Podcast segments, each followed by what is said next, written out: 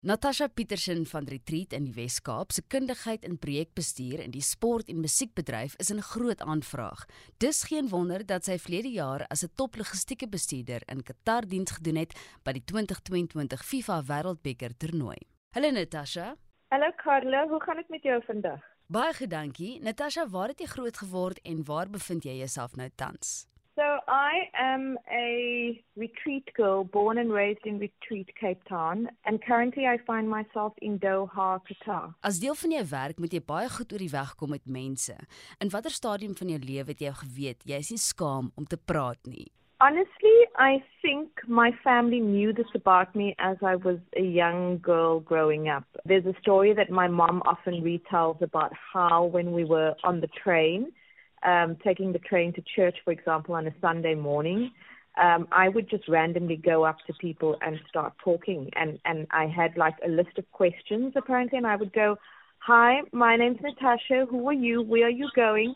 I'm with my mom. She's sitting over there. We're on our way to church, and so on. So I think um, my love of of talking and interacting with people has just taken a different path um, over the years. But I think um, it's a part of who I am, um, and I think it brings me great joy to to interact with people socially and and in a work environment. Daar was baie mense. My my ma het my baie stories vertel van hoe mense ehm um, haar huisnommer ge geneem het en dan so 'n paar weke later het hulle gebel om te vra hoe gaan dit met my en want ek het um, ongelooflike stories vir hulle vertel. I mean we were living in a much safer time, right?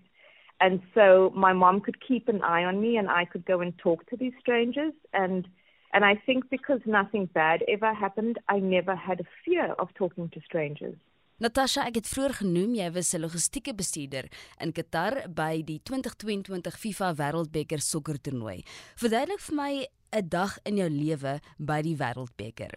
It's something that I've been working towards over many years. I I have a passion for the arts and, and for sport and I'm one of the lucky ones where I could merge my, my loves and find a path that could turn into a career.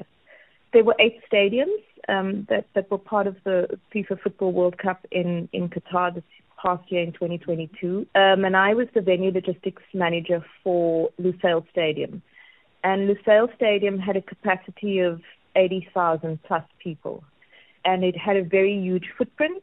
And my responsibility um, essentially was to make sure that we prepared the venue for all of the teams and the function areas and departments who needed to work in those spaces. And I think if you think about the stadiums as like a centerpiece of the operations of what a football tournament is about, and hmm. then you think about all the the goods and the materials and the equipment and, and the furniture and all of those things that need to be delivered and handled and put into spaces and and preparing those spaces almost as if you were moving to um, an empty home and then you have to put in your furniture, you have to lay the carpets, you have to put up the curtains, all the blinds, you have to make sure that everything's ready for the day that the family arrives into the home. And so I think that's essentially, um, in a nutshell, what my job was. I was contacted um, early in last year, I think it was in February or March of, of 2022. Um, and I was in touch with, with the recruitment team for, for Qatar 2022.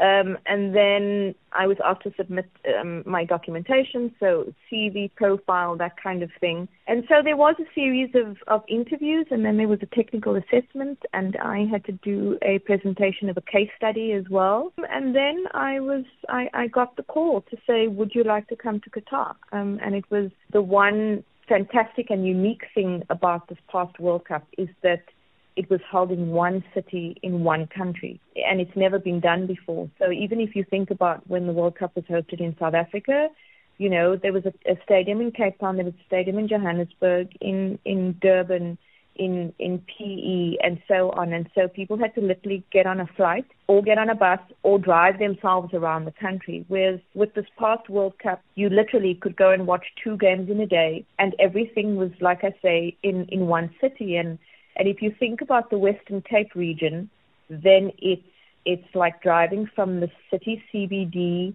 to maybe past the Paarl region, and then you would have been at the kind of the furthest two stadiums from each other. Dit is ongelooflik. Natasha, sien dit dat jy by die stadion gewerk het waar die finaal gespeel was tussen Argentinië en Frankryk. Kon jy enige spelers sien uitdraf op die veld soos Lionel Messi of Mbappe?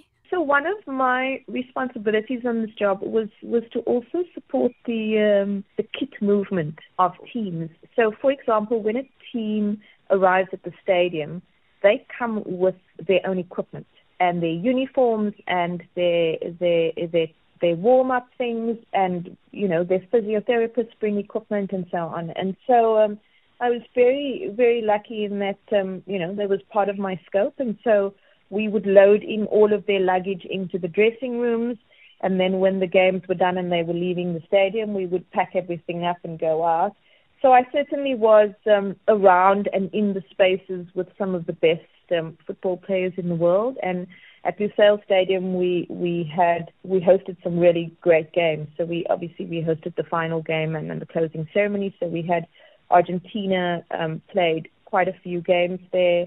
Um, and then obviously they played France in the final game. Um, Morocco played there. Um, Croatia played there. So there were some really good teams, and I, I got to um, be in the same space, let me put it that way, as, as some of the best football players in the world. Um, of course, I, you know, I'm there to do my job. They're there to do their job. So, so we also have to remember to remain professional um, and not take out a cell phone and just quickly, you know, say, "Can I have a selfie, please?" Um, because that's not how it's done. You know, um, so it does take a lot of constraint to do the things that that um, you know, especially with with social media, we're very quick these days to post things out there. Um, but it did take a little bit of restraint. But I did have some quiet giggles and some very um, um, like shy, girlish moments, standing in the corner, going, "Oh my God, that's Messi! Oh my God, that's Ronaldo!" You know, with a very straight face, of course.